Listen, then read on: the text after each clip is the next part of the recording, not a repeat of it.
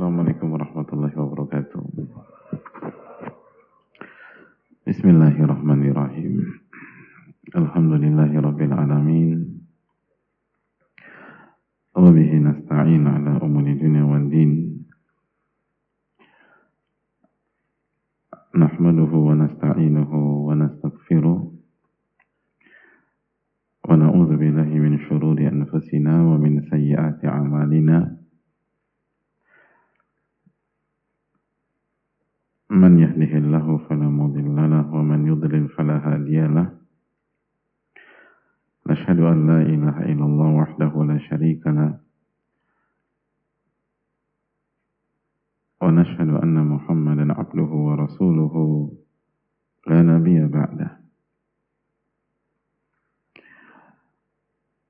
ونصلي ونسلم على نبينا محمد وعلى آله وصحبه ومن صار على نهجه إلى يوم الدين وبعد Hadirin Allah muliakan, Alhamdulillah kita bersyukur kepada Allah Subhanahu wa Ta'ala atas segala nikmat yang Allah berikan kepada kita. Khususnya nikmat bisa berinteraksi dengan firman-firman Allah dan hadis-hadis Nabi Sallallahu Alaihi Wasallam.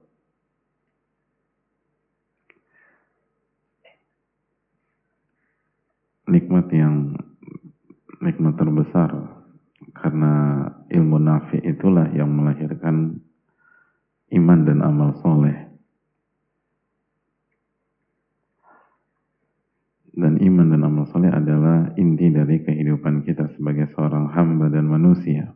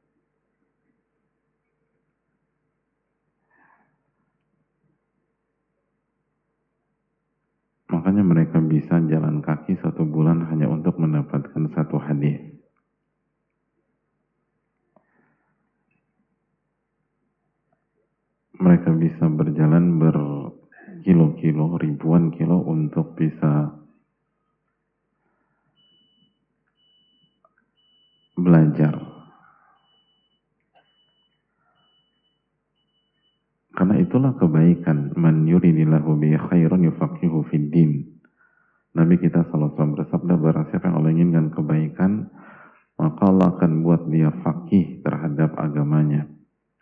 Allah akan buat dia paham dan Allah akan buat dia mengamalkan lalu Allah buat ilmu itu menjadi karakter dia.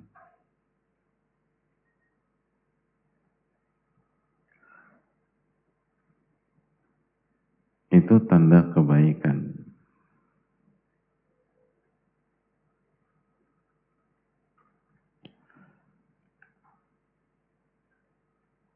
Dan kita tahu untuk mendapatkan ilmu itu harus dengan cara yang Allah dan Rasulnya gariskan.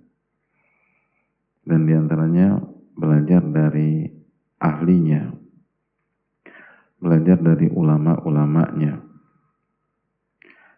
maka mumpung ada kesempatan, mumpung Allah kasih uh, kesempatan untuk bisa berinteraksi dengan buku-buku seperti Radu Solihin atau Tadkiratul Sami itu harus kita manfaatkan.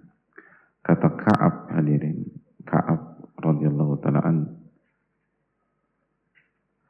Alaikum bil ilmi qabla an yadhhaba fa inna dhahabal ilmi mautu ahlihi Anda harus mendapatkan atau belajar ilmu itu sebelum ilmu itu pergi. Kata Pak. Jadi belajarlah ilmu sebelum ilmunya pergi.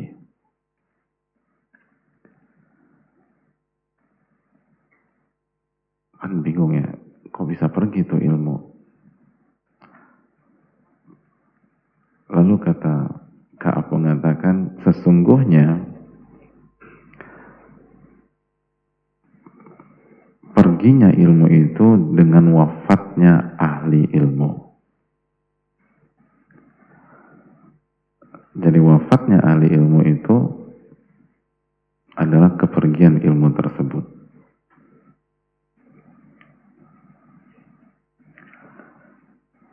Jadi sebelum ahli ilmu itu meninggal, kejar ilmunya, peras ilmunya, dapatkan ilmunya. Karena kalau seorang ahli ilmu meninggal, ilmunya ikut pergi sama beliau. Makanya alaikum bil ilmi qabla an yadhhaba fa inna dhahabal ilmi mautu ahli. Kalian tuh harus kejar ilmu sebelum pergi dan kepergian ilmu adalah wafatnya ahli ilmu. Makanya itu yang membuat para ulama kita kejar sana, kejar sini. Yahya bin Yahya berangkat dari Andalus ke Madinah untuk belajar sama Imam Malik. Karena itu tadi sebelum pergi nih ilmu.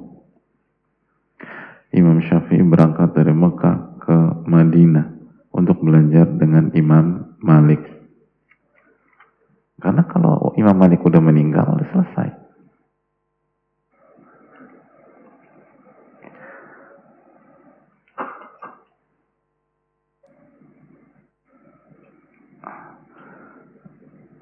Dan itu kan kelebihan Imam Syafi'i rahimahullah. Beliau menggabungkan antara dua madrasah. Madrasah ahli hadis Imam Malik dan madrasah ahli ra'i. Karena beliau berhasil berguru dengan Al-Imam Muhammad bin Hasan Asyaibani. Jadi dua madrasah besar pada saat itu itu berhasil didapatkan oleh Imam Ash-Syafi'i rahimahullah. Madrasahnya Ahlul Hadith dan madrasahnya Ahlul Ra'i di Irak. Satu di Madinah, satu di Irak didapatkan. Makanya fikihnya luar biasa. Itu beliau dapatkan karena beliau berhasil memanfaatkan sebelum beliau-beliau itu meninggal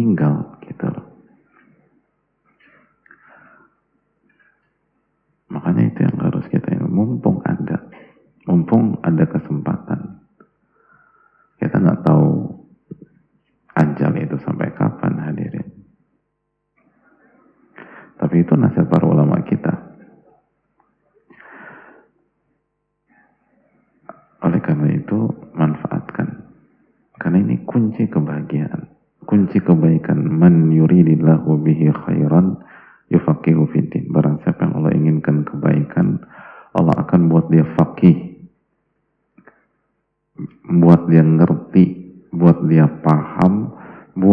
Ngamalin, bukan hanya ngerti aja loh, tapi diamalkan dan akhirnya ilmu itu jadi karakter yang tidak bisa dipisahkan dari kehidupannya. Walaupun pasti ada khilaf, siapa yang nggak khilaf. Nah kalau itu rangkaian itu kita miliki maka bergembiralah itu berarti Allah ingin kebaikan buat dia. Allah ingin kebaikan buat dia. Jadi Allah ingin kasih kebaikan. Walaupun dia nggak punya duit. Walaupun nggak punya apa-apa. walaupun maju ke akhwat ditolak terus tenang aja kok dalam banget bagian tuh iya maju ke Aisyah ditolak Fatimah ditolak Zainab ditolak oh semua nolak tapi kalau dia belajar lalu dia amalin kan masih ingat nggak hadis Nabi SAW rubba ash'ata akbar madfu'in bil abwab. Law aqsama 'ala Allah la abarrah. Ada betapa, betapa banyak rubah li takdir dalam bahasa Arab. Rubah betapa banyak ash'ata akbar. Orang yang penampilannya nggak meyakinkan kucel eh, nggak uh, berkelas penuh dengan debu. Madfu'in bil abab kalau maju ditolak terus. Kalau ingin maju nggak diterima. Madfu'in bil abab ditolak di pintu. Tapi sekali berdoa kepada Allah la abarrah diijabah sama Allah. Itu hadirin. Sekali berdoa itu diijabah. Sekali la uqsama Allah la Jadi tanda kebaikan itu bukan tampang, bukan ketampanan, bukan kecantikan, bukan berat badan, bukan uh, alma mater, bukan kecerdasan, kejeniusan, bukan kekayaan. Kebaikan itu fakih. Kita dipahamkan dan mengamalkan dan menjadikan ilmu itu sebagai karakter. Bukan hanya ngaji aja. Bukan hanya duduk aja, tapi ilmu itu jadi karakter kita. Karena yufakih itu dari dua akar kata dari fakih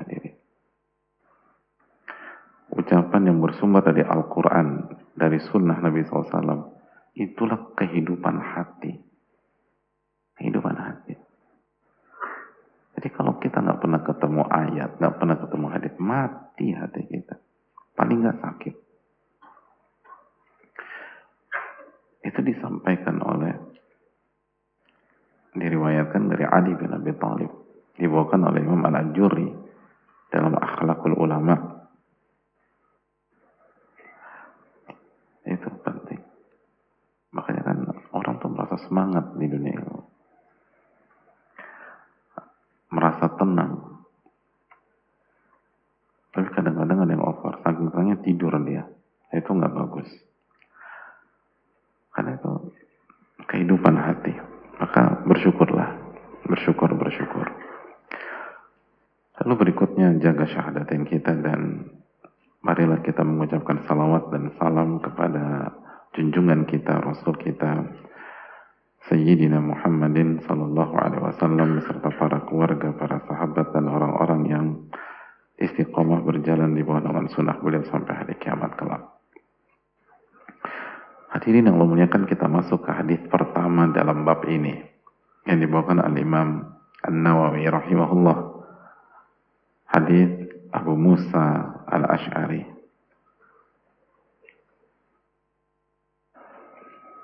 Yang simpel, sederhana, analogi yang sangat apik yang disampaikan oleh Rasulullah Wasallam. Dan Alim eh, dan Abu Musa al-Ashari sudah kita bahas sekilas tentang beliau di hadis yang ke-8 Mari kita bersama Al Imam Nawawi, semoga Allah merahmati beliau, orang tua, keluarga beliau, dan semoga Allah merahmati kita semua, kaum muslimin, di mana pun berada. قال رحمه الله رحمة واسعة. تفضل. أحسن الله إليكم بسم الله الرحمن الرحيم. الحمد لله رب العالمين.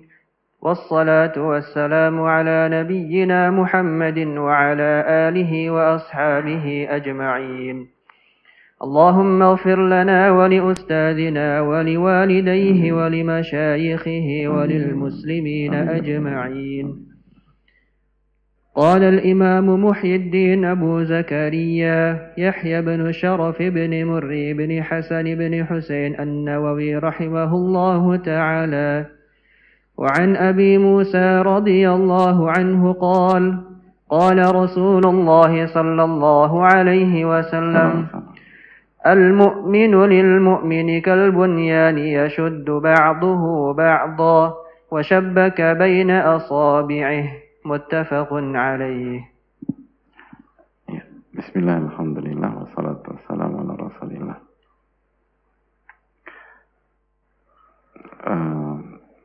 Berkata Imam An-Nawawi rahimahullah taala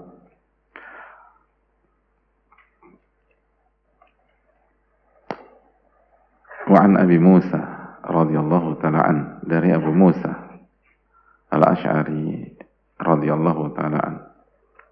Qala Rasulullah sallallahu Nabi SAW bersabda al-mu'min lil mu'min kal yashuddu ba'duhu ba'dha wa shabbaka baina asabi'ihi muttafaqun alaihi mukmin yang satu dengan mukmin yang lain itu ibarat satu bangunan. Sebagiannya melengkapi sebagian yang lain. Wasyabbaka baina asabi lalu beliau mengeratkan tangannya seperti ini. Itu. Jadi menjalinkan apa jari-jari tangan beliau seperti ini. Syabbaka personik itu mukmin. Jadi mukmin tuh kayak begini. Gitu. Jadi mukmin se seperti ini. Hadis riwayat Bukhari Muslim. Sederhana. Tapi dalam hadirin. Pelajaran yang bisa kita petik dari hadis ini. Yang pertama,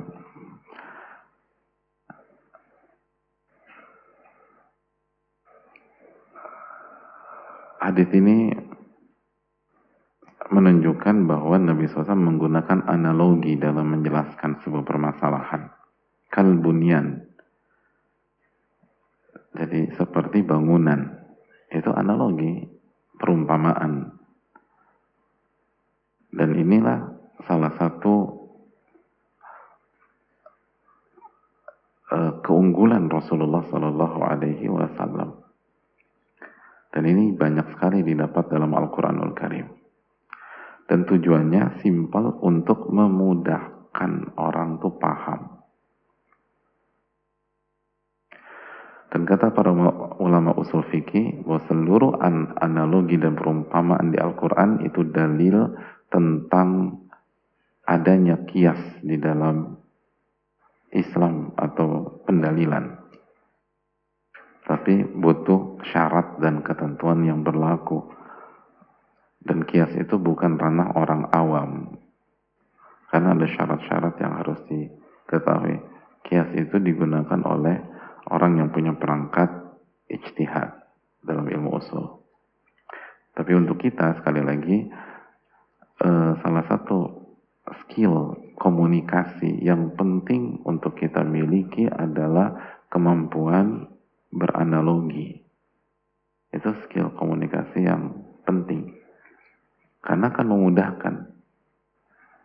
Dan ini jangan tapi kan aku bukan ustaz, aku kan bukan khotib Jumat, aku bukan public speaker, enggak. Kan kita harus bicara sama istri misalnya. Kita harus bicara sama anak-anak yang istri kita harus bicara sama suami. Ibu bicara sama anak-anak. Kita harus bicara sama orang tua, mertua, dan seterusnya. Nah, semakin kuat kemampuan kita memberikan contoh, analogi, perumpamaan, semakin mudah dipahami. Lihat, makanya Nabi SAW itu diterima oleh seluruh kalangan. Lihat analoginya simple mau dia S3, mau dia SD, kalbunian yashudu ba'duhum ba'dha. Mukmin yang satu dengan mukmin ibarat satu bangunan, saling melengkapi satu dengan yang lain, gitu. Jago, ya ngerti. Oh iya ya benar.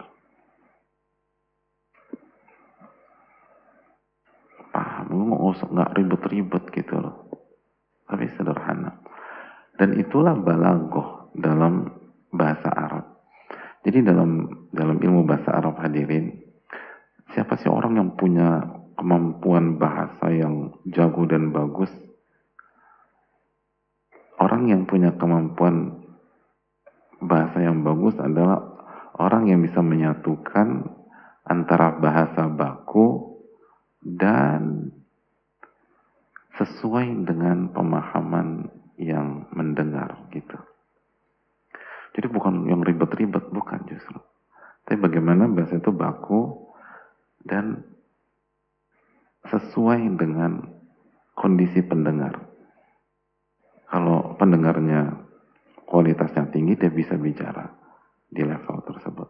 Kalau pendengarnya tingkat pendidikannya bawah, dia bisa bicara juga. Gitu.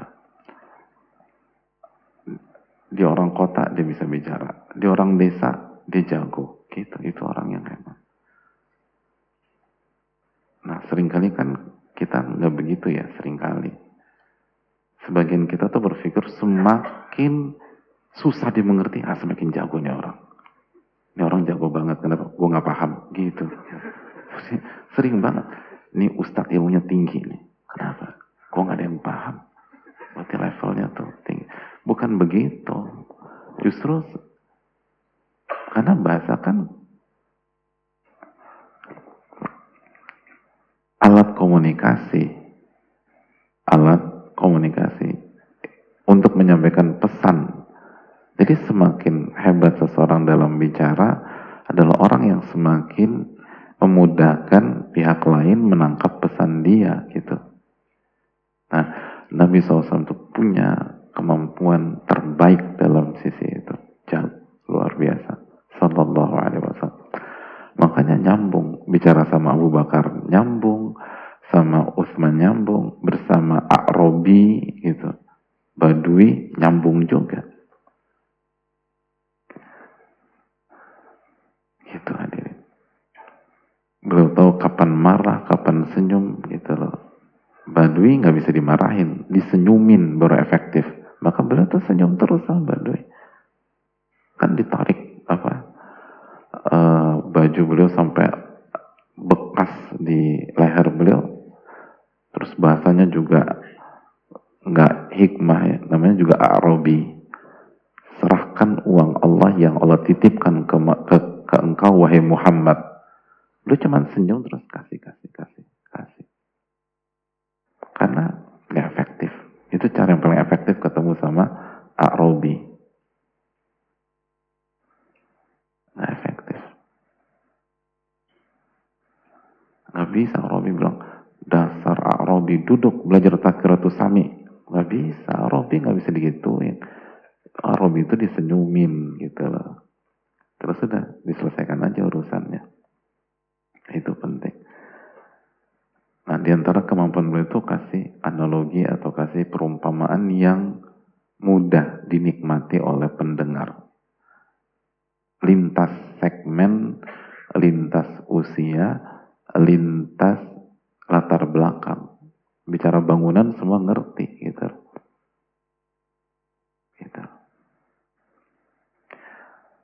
Itu pelajaran pertama. Pelajaran yang kedua, hadis ini menunjukkan bahwa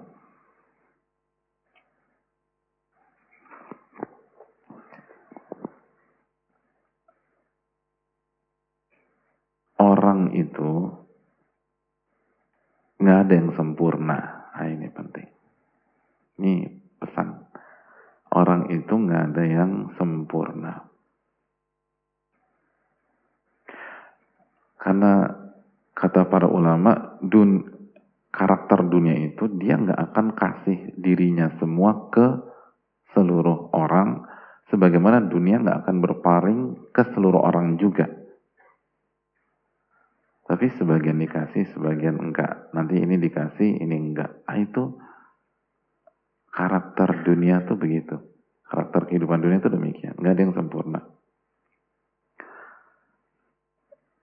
Kata para ulama seperti Al-Imam Al-Mawardi, salah satu ulama madhab syafi'i, فَإِذَا تَسَاوَ حِينَ إِذٍ جَمِيعُهُمْ لَمْ يَجِدْ أَحَدُهُمْ إِلَى الْإِسْتِعَانَ بِغَيْرِ سَبِيلًا Apabila manusia itu punya kemampuan merata, jago semua, maka nggak ada jalan untuk saling tolong menolong gitu. Ya udah udah bisa semua.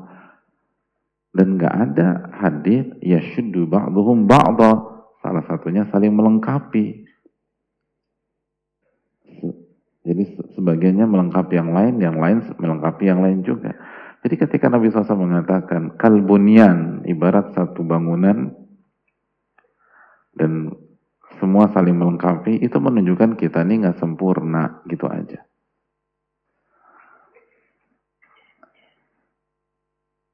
Kita ini nggak sempurna. Nggak ada kesempurnaan.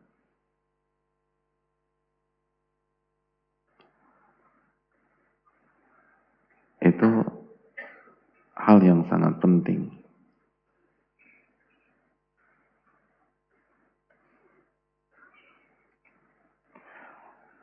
Jadi ini pelajaran bagi kita. Jangan ada yang ngaku-ngaku jadi Superman. Ya. Jangan ada yang ngaku-ngaku jadi Superman. Itu aja. Apalagi ngaku jadi dari Krypton lebih nggak ngerti nggak jelas lagi gitu udah deh udah nggak ada nggak ada nggak ada nggak ada kita nggak ada yang jadi Superman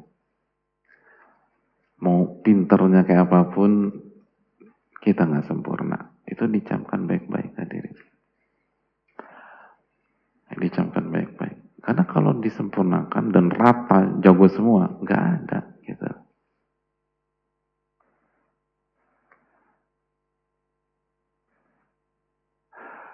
Ustadz saya punya tetangga itu kayaknya dia sup, apa Superman deh Pak Ustadz.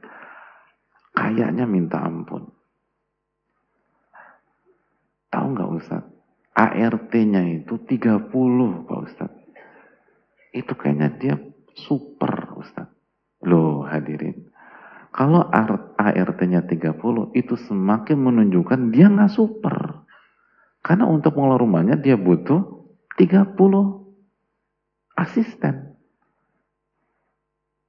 Nah, bandingkan dengan antum. Antum berapa asisten rumah tangga? Gak ada. Antum lebih super daripada dia. Gitu. Antum gak butuh asisten, dia butuh. Gitu. Ternyata luas rumahnya beda. Gitu ternyata. Intinya banyak oh ini justru kalau dia punya banyak asisten berarti dia nggak sempurna. Semakin menunjukkan kita nih nggak sempurna. Kadang-kadang kita suka kebolak-balik. Dia tuh kayaknya komplit banget. Iya nggak komplit lah. Kalau dia komplit, dia nggak butuh siapa pun. Semakin banyak staffnya, semakin komplit staffnya dan asistennya, semakin menunjukkan dia tidak komplit gitu aja. Ini hal yang penting hadirin. Gak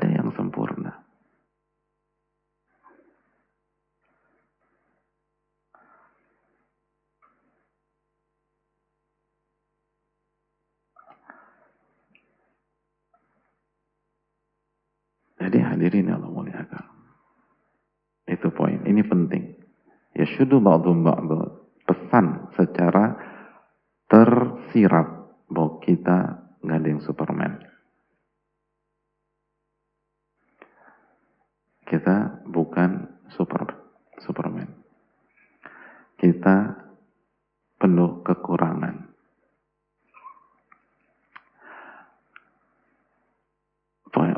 Pelajaran berikutnya hadirin Allah muliakan.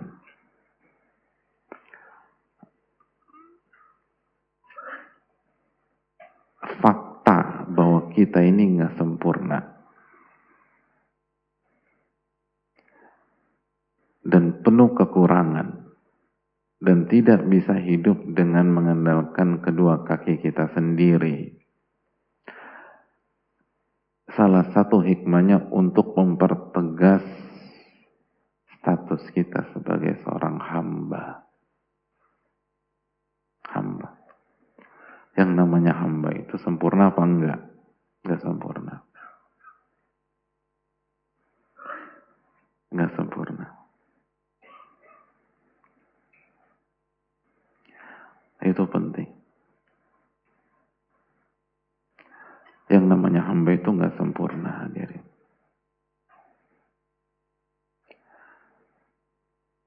Butuh sama yang lain.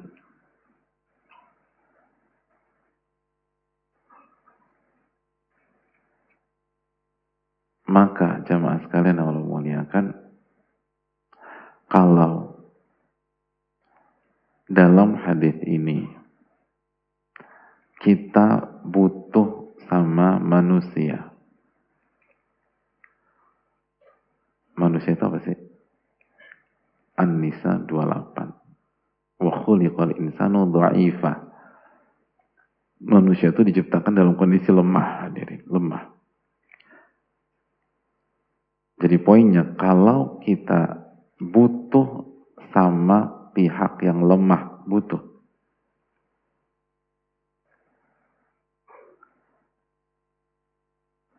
Setinggi-tinggi manusia itu wa khuliqal insanu dha'ifa manusia itu diciptakan dalam kondisi lemah. Maka leb, maka kita jauh lebih butuh ke yang maha besar dan kuat al-qawi. Al-azim. Itu itu pesan penting. Tersirat. Kalau dalam ilmu usul fikih pendalilannya dengan mafhum. Bukan dengan mantuk tapi dengan mafhum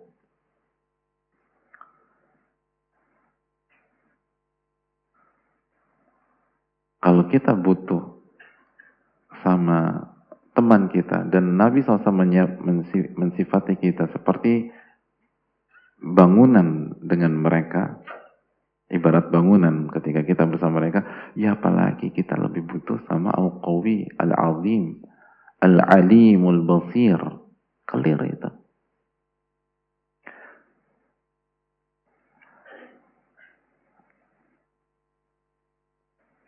itu tadi sekaya-kayanya orang dia butuh dengan atau setinggi-tinggi setinggi-tinggi uh, latar belakang pendidikannya. Dia butuh sama saudara-saudaranya yang latar belakang pendidikannya nggak tinggi. Yang jauh di bawah dia. Itu tadi. Kan itu tadi. Kalau semuanya seperti dia, PhD, IPK, cum laude, semua manusia begitu. Siapa yang mau kerja di rumahnya sebagai ART? Gak ada.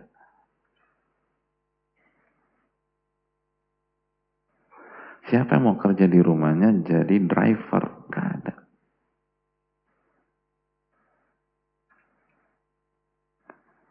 Gak ada. Semuanya mau jadi bos. Jadi sehebat apa pun kita, kita sangat butuh yang jauh lebih lemah dari kita. Apalagi kalau kita nggak hebat gitu aja. Kita sukses berhasil. Kita salah satu 10 orang terberhasil di Indonesia. Tinggi banget makom kita. Butuh sama orang nggak? Butuh. Ya apalagi kalau kita bukan 10 10 besar. Gitu. Misalnya kita rank masuk 270 juta besar di Indonesia. Itu berarti ini banget ya. Dan jumlah orang Indonesia 270 juta misalnya.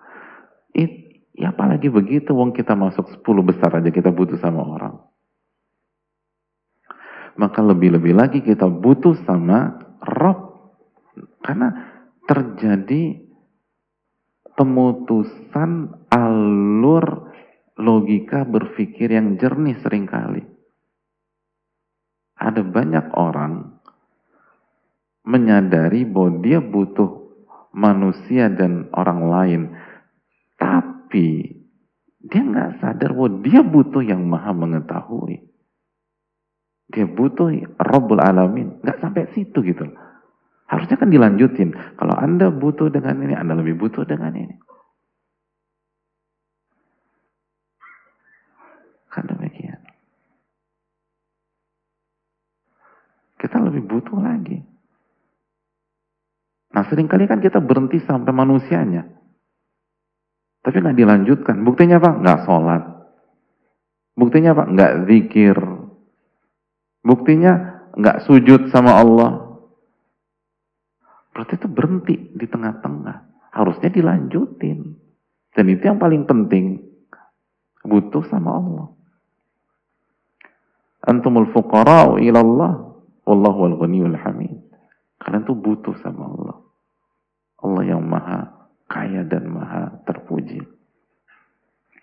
Jadi kalau kita butuh sama manusia, lebih-lebih lagi kita lebih butuh sama Allah. Itu harus clear, harus jelas maka ber, maka hiduplah sebagai orang yang butuh sama Allah. Ah, ini poin. Butuhlah sebagai orang atau dengan segala perasaan butuh sama Allah. Jangankan sama Allah, sama makhluknya aja kita butuh, apalagi sama Robnya. Dan Robnya harus kita nomor satukan terus. Itu pesan besar.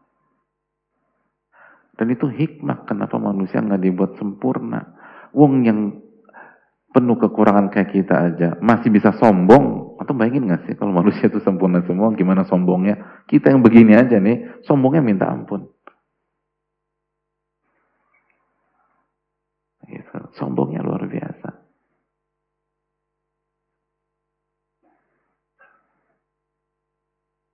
sering kali kita apa masuk ke sebuah kajian, masuk ke masjid, itu ada perasaan tuh. Ngeninggi gitu loh. Ngeninggi.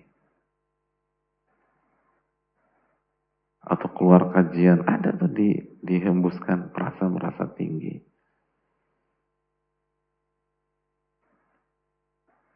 Padahal kalau dicek hafalan juz 30 nggak hafal gitu loh.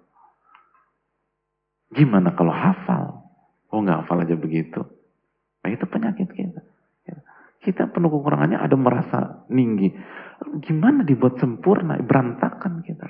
Makanya sebenarnya kelemahan kita itulah kekuatan kita sebagai hamba. Karena dengan kelemahan kita bisa lebih mudah meresapi status kita sebagai hamba. Kalau kita bisa semua, susah loh meresapi.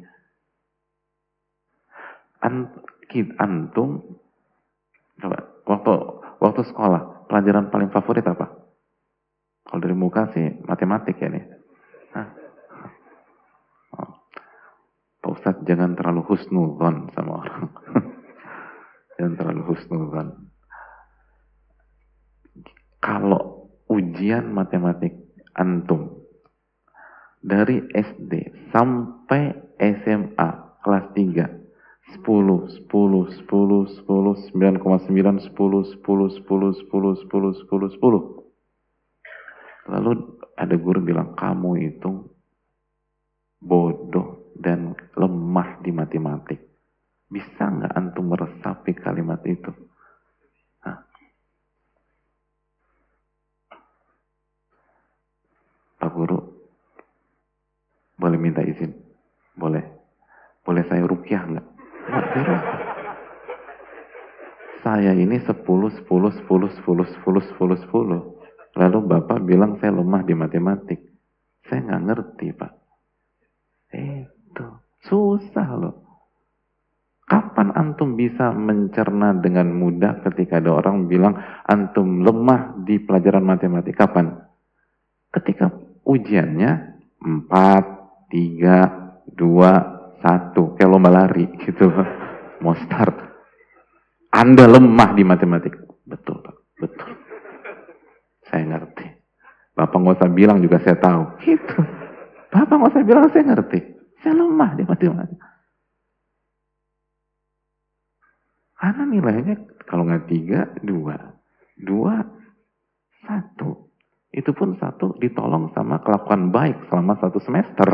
Jadi kalau dia kelakuannya nggak bagus dan absennya bolong-bolong, bayangin nilainya berapa.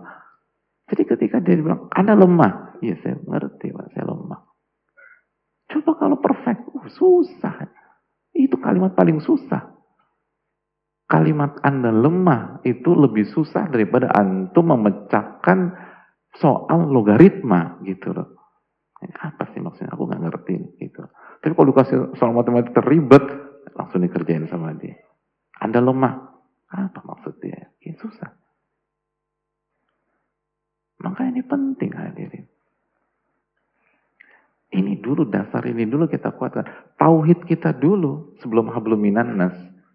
Iman kita dulu. Penghambaan kita dulu. Kan pesan besar, Anda butuh sama manusia. Masa Anda nggak butuh sama Allah? Itu kan nggak bisa diterima logika sehat. Anda butuh sama yang lemah. Masa Anda nggak butuh sama yang kuat? Yang maha kuat. Yang maha berilmu. Anda butuh sama yang suka lupa. Manusia tuh suka lupa.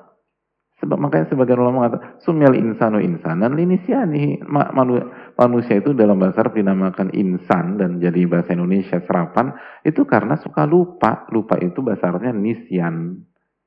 Kalau Anda butuh sama yang suka lupa, maka masa Anda nggak butuh sama yang maha berilmu yang nggak mungkin lupa. yang suka lupa, yang suka ngantuk, yang suka tidur. Masa kita nggak butuh dengan zat yang la ta'khudhuhu sinatu wala naum. Itu. Siapa yang di sini punya istri yang suka lupa gitu Nanti adalah yang istri, dia nggak siapin. So, istrinya suka lupa gitu. Tapi nggak dicerai-ceraiin juga, gitu. Tetap aja butuh. Ini suka lupa. Paling gemes gitu, geram gitu. Tapi tetap aja. Beb, beb. Gitu dipanggil terus. Padahal kemarin lupa. Minggu, kemarin lagi lupa lagi. Tapi tetap aja. Beb ini aku mana? Kamu tuh ya gitu. Siapa di antara ibu-ibu sekalian yang punya suami suka ngantuk? dan suka tidur. Apalagi kalau diajak ngobrol di malam-malam, gitu loh. Bebek aku punya cerita tadi. gitu loh. Kesel itu istri. Tapi besoknya tetap aja. Enggak. Kita belum dengar ya, belum dengar. Paginya minta hulu. Saya hulu aja Kita cerai. Habisan kamu ngantuk tadi malam. Enggak ada. Alhamdulillah gitu. Kita butuh sama suami kita walaupun suka ngantuk. Pas kita cerita, panjang kali lebar. Jadi hadirin yang Allah muliakan, kalau kita butuh sama man, manusia yang suka ngantuk, suka suka lupa gitu. Gitu. Guru butuh sama murid, walaupun suka ngantuk muridnya gitu. Loh ini bukan nyindir, bukan. Bukan. Tapi negur, lebih parah lagi lebih tajam ya. Enggak, enggak. Kata para ulama kan murid, Anda tuh butuh sama murid. Kalau nggak butuh sama gimana mau men, men, men, me, apa, menjalankan amanat ilmu? Amanat ilmu kan harus disampaikan. Sampaikan butuh murid. Muridnya ngantuk, ingetin lagi, ingetin lagi, gitu. Ini nih kita nih butuh sama orang, apalagi butuh sama Allah. Itu harus dicamkan. Allah tuh nggak ngantuk, nggak tidur. Ayatnya kita baca tiap hari. Allahu la ilaha illa huwal hayyul qayyum. La ta'khudhu sinatu wa la naum. Mana itu penerapannya dalam kehidupan sehari-hari? Lebih butuh sama Allah. Nah ini terapkan ketika kita lagi ada masalah, lagi ada musibah. Kenapa kita ingat si A, si B, si C? Wong dia lemah kok. Kan harusnya pertama kali kita yang kita hubungi, yang kita curhati itu Rabbul Alamin. Apa kata Nabi Yakub? Innama ashku bathi wa husni ilallah.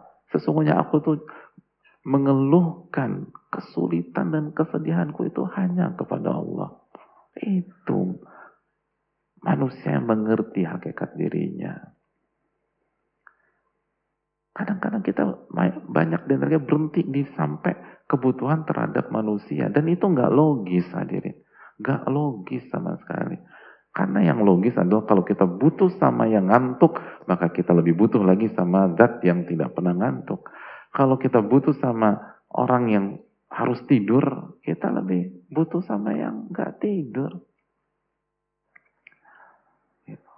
Kita punya teman atau sosok yang cerdasnya minta ampun.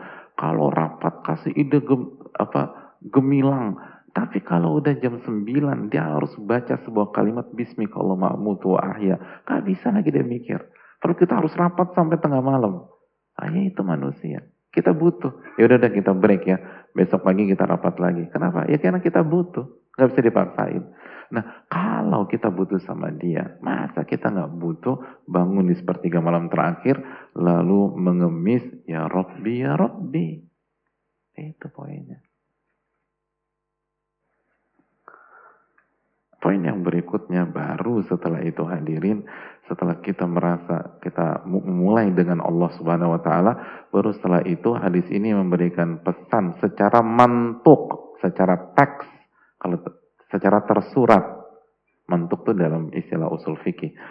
Kalau tadi kan mafhum secara tersirat, sekarang tersurat bahwa kita butuh sama manusia. Kita butuh sama manusia. Nggak ada yang bisa mengklaim kita ini nggak butuh sama. Secara teknis, ya syudu ba'du mu'min dan mu'min seperti bangunan saling menguatkan saling mensupport satu dengan yang lain. Makanya itu penting. Itu katanya mewardi. Ada yang dikasih, ada yang enggak. Saling menguatkan. Dan itu dinamika. Kadang-kadang kan kalau kita ingin, kita ada orang yang lagi down, lagi jatuh. Lalu kita kasih nasihat, terus orang itu bilang apa? Kamu gak pernah tahu perasaan seperti yang saya alami.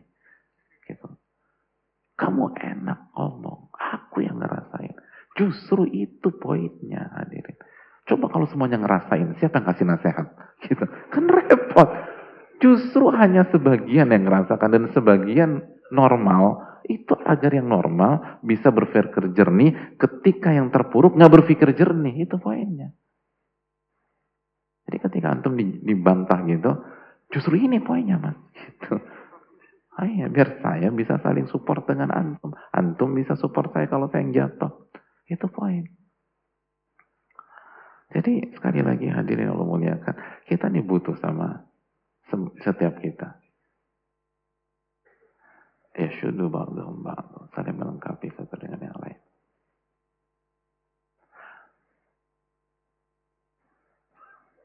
Poin yang berikutnya, marilah kita berperan sesuai dengan apa yang Allah berikan kepada kita. Potensi yang Allah berikan kepada kita. Nggak harus kita ini seragam, jadi ustadz semua. Gitu. Ya kalau jadi ustadz semua, muridnya siapa? Dia nggak ada. Gitu loh. Gitu Nggak ada. Atau jadi murid semua harus jadi ahli Quran semua. Enggak. Itu makanya pesannya seperti bangunan. Bangunan itu isinya semen semua. Enggak. Bangunan itu apa aja? Bata, batako, bajaringan, pasir, air, semen, kikil. Apa sih? Oh kerikil, ya Allah. Ya Allah hadir. Antum tuh harus jelas, apalagi kita belum sarapan. Ini agak-agak halu begitu loh.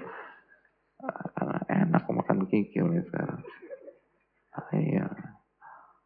Jadi, anda sampai mana lagi? Gitu. Oh, air, oh, semua. Kalau hanya air aja nggak bisa jadi bangunan. Walaupun air sangat penting. Kalau semuanya semen nggak bisa. Kalau semuanya pasir nggak bisa kecuali kita main di sana pasir. Semua maka semua harus bermain di porsinya dan bersinergi gitu loh. Dan itulah kehidupan Nabi SAW. Salah satu karunia Allah kepada Nabi kita SAW, beliau punya tim yang komplit, full package, komplit. Komplit. Ada pakar ini, pakar ini. Ada yang pakar halal wal haram, Mu'ad bin Jabal. Ada yang memang spesialis meriwayatkan hadis Abu Hurairah ada yang paling alim tapi fokusnya ke pemerintahan Abu Bakar As-Siddiq. Gitu. Umat sepakat, ulama sepakat. Umat yang paling alim Abu Bakar As-Siddiq radhiyallahu Tapi apakah peran beliau di majelis lalu dakwah sana sini? Enggak. Mengganti Nabi SAW. Memegang dan mengatur umat ini yang harus kita camkan. Jangan semuanya banting setir, banting setir. Jangan. Kul kullun ya'malu ala syakilati. Setiap orang itu hendaknya bermain di kotaknya masing-masing yang Allah takdirkan buat dia. Jangan lupakan hal itu.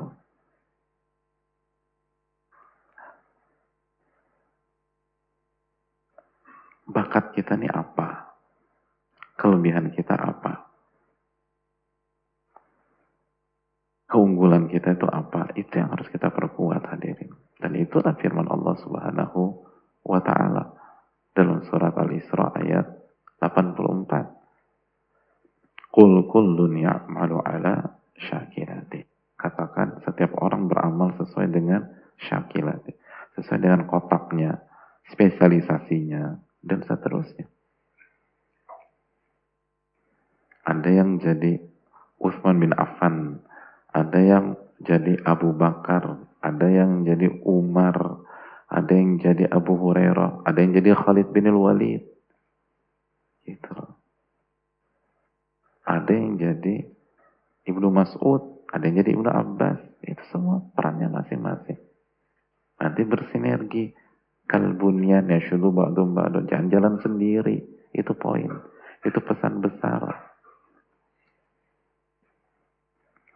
Nah ini tantangan ke, buat kita dan antum semua khususnya yang hijrah. Sebagian teman-teman yang hijrah itu langsung meninggalkan spesialisasinya atau skillnya lalu pindah ke hal yang dia nggak ngerti sama sekali. Nggak harus demikian. Bukan nggak boleh ya, tapi nggak harus demikian. Karena berjuang di di kotak yang yang merupakan uh, apa uh, keahlian kita itu penting. Kita harus passionate di situ dan full skill di situ itu biar kita maksimal. Makanya Allah katanya kul kulun ya'malu ala syakilati. Nanti bareng-bareng. Itu pentingnya kita. Jadi jangan berpikir bahwa enggak semua harus begitu. Nggak bisa semua begitu. Nabi aja selalu nggak demikian. Nabi SAW nggak demikian. Peta para sahabat nggak satu warna. Ada macam-macam. Bangunan tidak akan berdiri kecuali dengan dukungan dari banyak bahan baku, elemen. Ada air, ada baja ringan, ada bata, ada kerikil, ada batu kali, ada uh, pasir, dan seterusnya.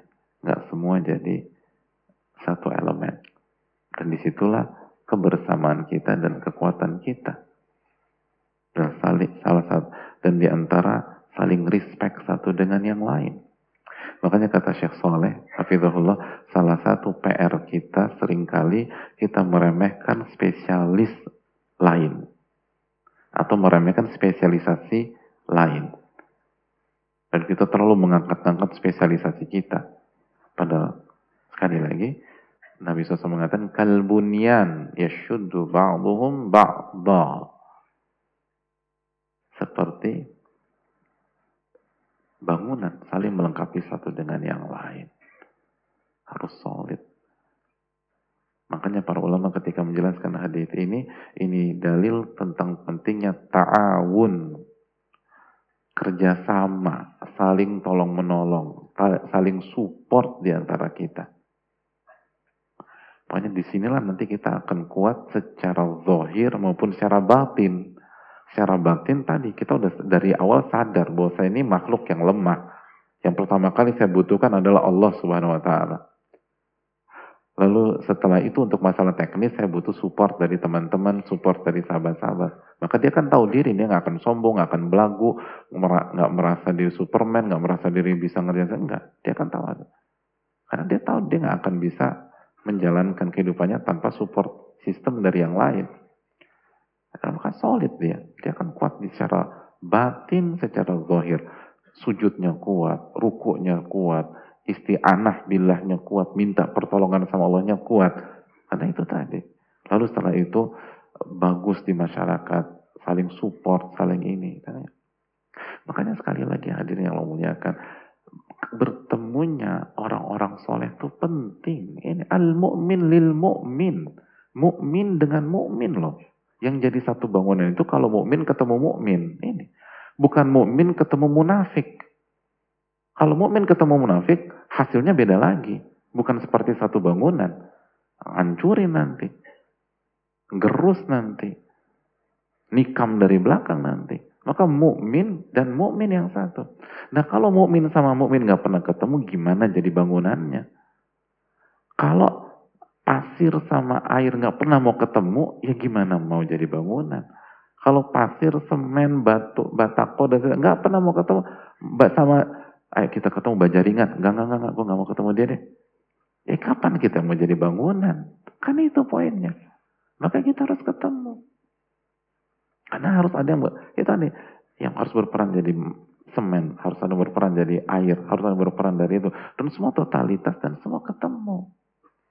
Makanya sekali majelis-majelis ini tuh penting. Dan sebagaimana saya sampaikan tadi, pada subuh, bahwa niatkan bukan hanya untuk menuntut ilmu, tapi niatkan untuk mencari sahabat dari orang-orang soleh. Karena ini momentum. Ini adalah salah satu momen terbaik cari sahabat dari orang-orang soleh dan beriman. Tapi jangan polos gitu loh, karena orang beda-beda. Tetap selektif, minta pertolongan sama Allah. Tapi itu tadi harus ketemu, harus bareng. Gak bisa masing-masing. Nabi SAW yang mengatakan akan jadi bangunan kalau mereka ketemu.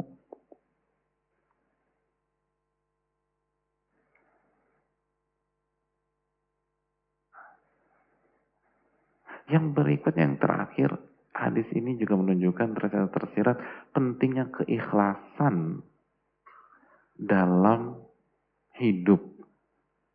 Baik hablum minallah maupun hablum minan nas. Antum melihat ini nih bangunan ya, bangunan.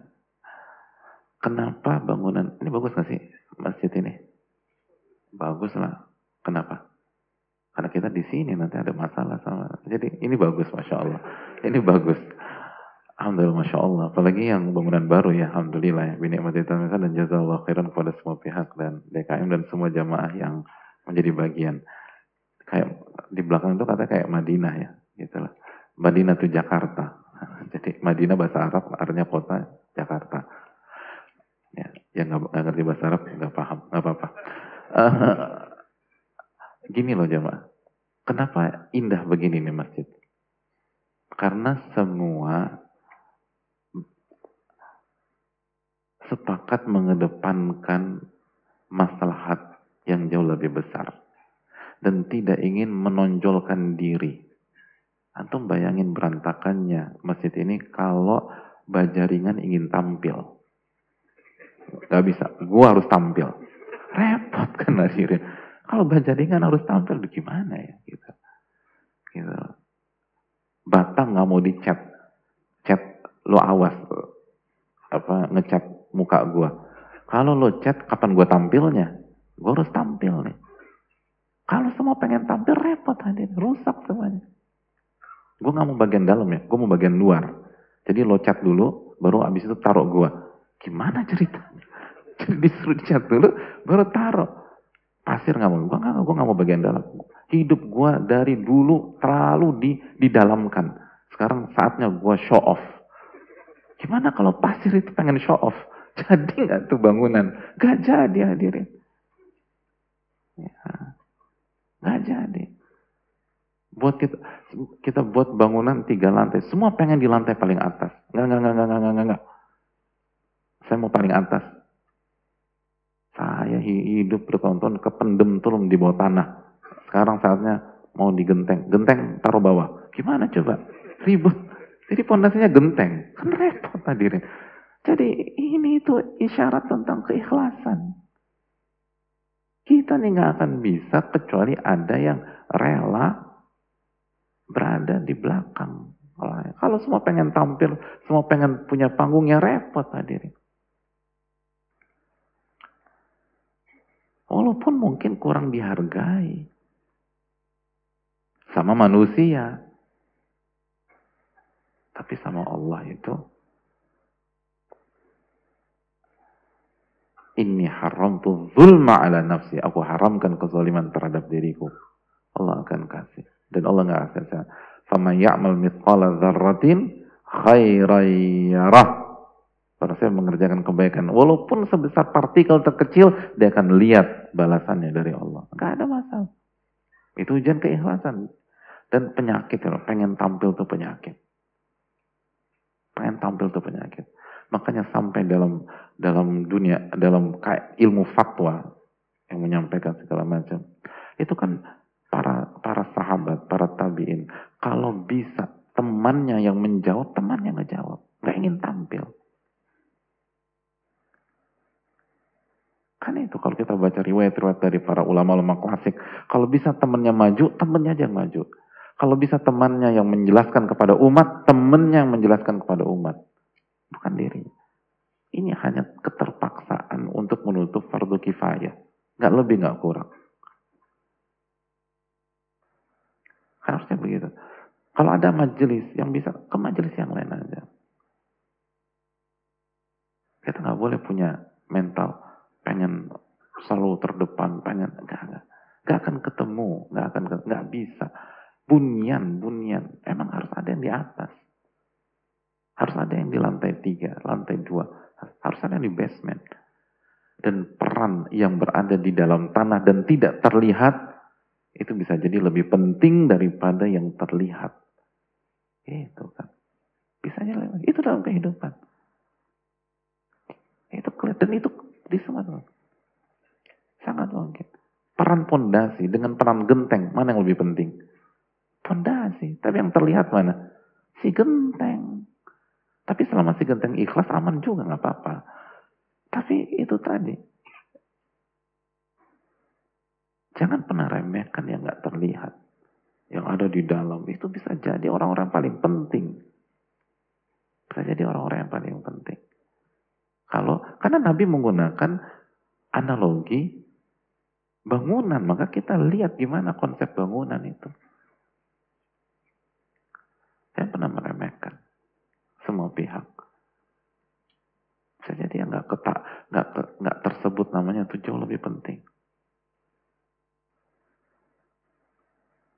Kan begitu. Jangan pernah meremehkan. Para sahabat yang diketahui namanya cuma kurang lebih 10 ribu. Dari 100 ribuan kurang lebih. Terus ke mana yang lain? Apa nggak punya andil? Sangat punya andil. Mayoritas para nabi kita nggak tahu namanya.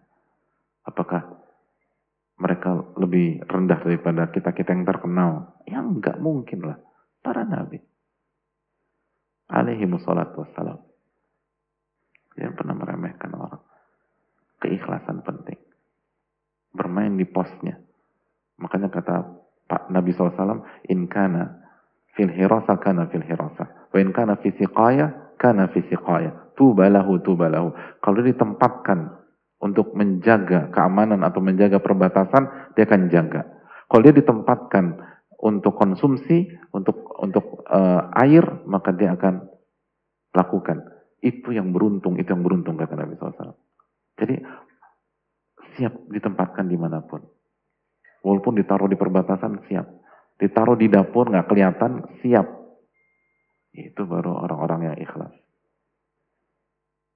Dan Allah maha melihat hadirin. Nanti nggak kelihatan, ya manusia nggak ngelihat. Tapi Allah as-sami'ul basir. Ini bisa disampaikan. Jazakallah khairan. Mohon maaf uh, agak selesai terlambat. Semoga kita mendapatkan ilmu nafi. Dan waktu udah habis kepada Allah.